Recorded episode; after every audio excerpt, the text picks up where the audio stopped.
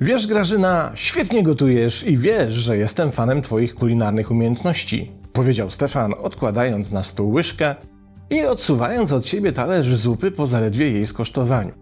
Akurat tej zupy to więcej nie rób, ale muszę ci powiedzieć, że jak kilka dni temu zrobiłaś ten wegetariański żurek, to najpierw i owszem, ciągnąłem łacha na Instagramie, ale po spróbowaniu uczciwie przyznam, żebym go wtrząknął teraz z poczuciem spełnienia i satysfakcji.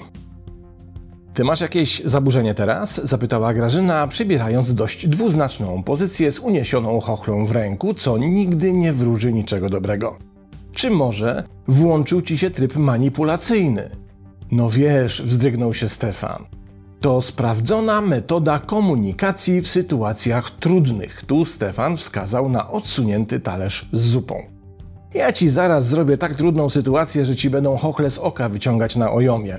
Teraz Grażyna zamachnęła się chochlą i to dość zamaszyście. Lepiej pokaż cwaniaku, co tam teraz czytasz, a na pewno się dowiemy, co z ciebie zamądrala. Grażyna sprytnym ruchem i znienacka podniosła ze stołu książkę, którą Stefan miał zamiar czytać do obiadu i wykrzyknęła triumfalnie: O, tu nawet zaznaczone jest! No to przeczytajmy. Bez względu na to, co krytykujesz, musisz znaleźć coś dobrego do powiedzenia, zarówno przed, jak i po. To się nazywa technika kanapkowa. A któż to taki mądry jest? zapytała Grażyna po zacytowaniu zaznaczonego fragmentu książki, zaglądając na okładkę w poszukiwaniu nazwiska autora. Pani Mary Kay Ash, a książka pochodzi z roku 1989, wykrzyknęła Grażyna. A teraz mamy 2023, ty ćwoku, tu zwróciła się do Stefana, ale jego już tam nie było, gdyż czmychnął w popłochu. Niestety, nie wszystkie teorie i metody komunikacji wytrzymały próbę czasu. Większość z nich, delikatnie mówiąc, nie najlepiej się zestarzała, szczególnie jeśli proces starzenia trwał ponad 34 lata, jak to ma miejsce w przypadku słynnej, a dzisiaj już nawet możemy powiedzieć, że sławetnej, negatywnej informacji zwrotnej formułowanej pod postacią kanapki. Przypomnijmy sobie, na czym polega ta metoda. Otóż, kiedy mamy komuś do przekazania negatywną informację zwrotną, dotyczącą na przykład działania tej osoby, to by złagodzić jej potencjalny odbiór i osłodzić jej recepcję, uznaje się, że powinniśmy tę niemiłą dla tej osoby informację czy opinię opatulić dwiema pozytywnymi informacjami, umieszczając jedną z nich na początku wypowiedzi, a drugą na końcu. W ten sposób informacja negatywna zostaje niejako opakowana w dwie pozytywne, co ma znacznie obniżyć dyskomfort tej osoby, ochronić jej uczucia, ułatwić usłyszenie trudnych dla niej treści i sprawić, by poczuła, że wciąż jest ceniona i aprobowana. Ten komunikacyjny model rzeczywiście pochodzi z lat 80. i najprawdopodobniej czytana przez Stefana, a cytowana przez Grażynę założycielka Mary Kay Cosmetics nie jest jego twórcą, ale rzeczywiście w jej książce Mary Kay on People Management z 1989 roku znajdziemy opis kanapki informacyjnej. Tyle, że podobnie jak ma się rzecz z wieloma modelami motywacyjnymi, kanapka informacyjna po trzydziestu kilku latach nieco się zaśmierdła.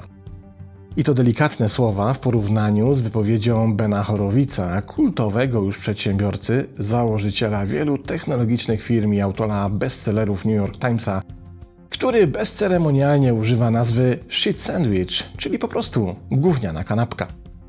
Im więcej bowiem czasu upłynęło od jej wymyślenia, tym częściej uznawano, że pomysł ten ma więcej wad niż zalet. A dzisiaj mówi się już o tym bez ogródek, że zaśmierdła kanapka ma tak naprawdę wyłącznie wady.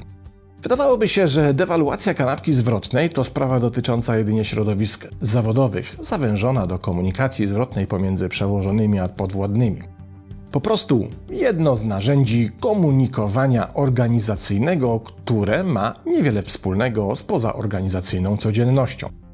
Problem w tym, że przez te trzy dekady osoby stosujące tę technikę wobec swoich pracowników nie działały przecież w próżni po pracy wracały do domu. wychowywały dzieci, budowały swoje relacje z życiowymi partnerami, a w wolnych chwilach spędzały czas z przyjaciółmi. A to również okoliczności, w których czasem trzeba powiedzieć komuś coś, co zawiera jakiś rodzaj negatywnej informacji zwrotnej, co nie jest do końca dla kogoś miłe lub co nie chce przejść przez gardło, gdyby miało zostać wypowiedziane wprost. Skoro zaś w środowisku zawodowym został wypracowany model, który nie tylko osładza krytykę krytykowanemu, ale też zdejmuje z ramion osoby krytykującej ciężar bycia okrutnym sędzią, to czemu nie wykorzystać tego modelu również w innych sytuacjach?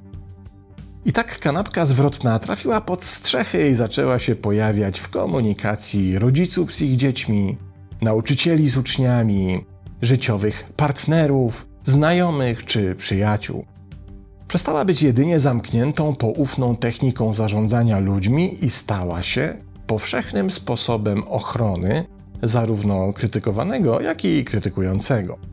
Wraz zaś z tym przejściem ze świata organizacji do interakcji społecznych, we wszystkich pozostałych obszarach kanapka zwrotna zabrała ze sobą dokładnie te same wady, które dzisiaj się jej bezpardonowo wytyka. Moglibyśmy powiedzieć, że w naszym pozazawodowym życiu jest tak samo nieskuteczna jak w życiu zawodowym, lub używając poetyki Chorowica, że jest tak samo gówniana. Jakie zatem przypisuje się jej obecnie wady? Pierwszą z nich jest sama oczywistość tej formuły, która sprawia, że kanapka zwrotna jest błyskawicznie rozpoznawalna przez tych, którzy są nią częstowani. Uznaje się, że wystarczy ją zastosować zaledwie 2-3 razy dla tej samej osoby, by za kolejnym razem osoba ta nie dawała się nabrać na zapewnienia o swojej wartości czy o tym, że jest ceniona. Zaczyna się bowiem orientować, że te dwie informacje pozytywne z przodu i z tyłu to czysta ściema mająca jedynie na celu osłodzić dyskomfort usłyszenia o sobie rzeczy niemiłych lub trudnych, a więc taka, która z rzeczywistością nie ma nic wspólnego. To zaś oznacza, że te dwie pozytywne informacje, w które zapakowana jest informacja negatywna, są stosowane wyłącznie manipulacyjnie, a więc ich działanie jest odwrotne do zamierzonego. Tak naprawdę dodatkowo obniża samopoczucie oraz głębiej deprecjonuje w myśl domniemania, skoro stosujesz na mnie tę technikę, to oznacza, że masz mnie za osobę, która nawet nie jest w stanie zaakceptować prawdy. Druga wada leży w samej konstrukcji tej metody. Docelowe osłabienie informacji negatywnej poprzez opatulenie jej dwiema pozytywnymi w rzeczywistości często bagatelizuje tę negatywną. Tym częściej, im bardziej osoby, które stosują tę technikę, chcą złagodzić przekaz, by same nie musiały poradzić sobie ze zbyt dużym dyskomfortem mówienia komuś czegoś mało sympatycznego. To powoduje, że stosujący kanapkę sami przeginają w łagodzeniu efektu całości przekazu, doprowadzając go często do takiej formuły, w której w końcu nie wiadomo, czy to, co negatywne, rzeczywiście było aż tak negatywne, bo głównie koncentrują się na dwóch pozytywnych informacjach, niejako pomniejszając jednocześnie znaczenie tej środkowej. To tak, jakby komuś zaserwować następującą kanapkę.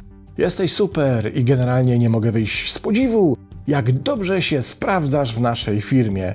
A to, że wczoraj zapomniałeś w ofercie dopisać jednego zera i cały nasz towar został wyprzedany za 10% swojej wartości, przez co właściwie bankrutujemy, to w ogóle mały pikuś niech cię to nie zrazi do dalszego rozwoju i motywowania innych, jak to wspaniale do tej pory robisz. Kolejna wada wynika z poprzedniej, a jej fundamentem jest to, że odbiorcy kanapek nie tylko bagatelizują środkową informację negatywną, ale w ogóle ją ignorują. I ten efekt pokazały badania z 2010 roku przeprowadzone przez Ayelet Fishbach, profesor nauk behawioralnych Uniwersytetu Chicago.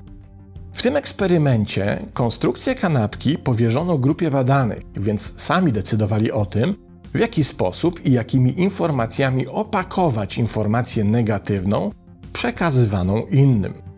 Kiedy zmierzono efekt kanapki zwrotnej, okazało się, że ponad połowa badanych, tych, którym serwowano kanapkę, w ogóle nie zarejestrowała informacji negatywnej, ponieważ dwie pozostałe pozytywne informacje zostały podane w tak sugestywny sposób, że rozmydliły znaczenie informacji negatywnej, której znaczenie i treść zostały zapomniane lub niezauważone. Oznacza to, że często efekt jest taki, że ktoś dostaje od ciebie kanapkę, w której pomiędzy dwiema kromkami chleba znajduje się ostry chrzan, po czym w naturalny sposób wywala ten chrzan i idzie w świat, pałaszując pyszny chlebuś, zupełnie zapomniawszy, że kiedyś pomiędzy tymi kromkami cokolwiek się znajdowało. Dzisiaj wielu specjalistów od komunikacji zdaje się zgodnych co do tego, że właściwa komunikacja zwrotna ma istotne znaczenie nie tylko w sytuacjach zawodowych, ale w ogóle we wszystkich naszych interakcjach.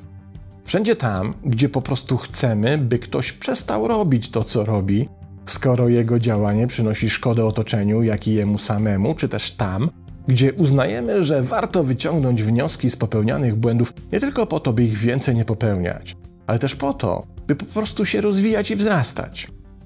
Jednak zgodność specjalistów idzie odrobinę dalej i coraz częściej w prasie fachowej oraz badaniach przejawia się ich donośny, zgodny chór wykrzykujący, że to, co powinniśmy zrobić, na pewno to zrezygnować z częstowania innych zaśmierdłymi kanapkami.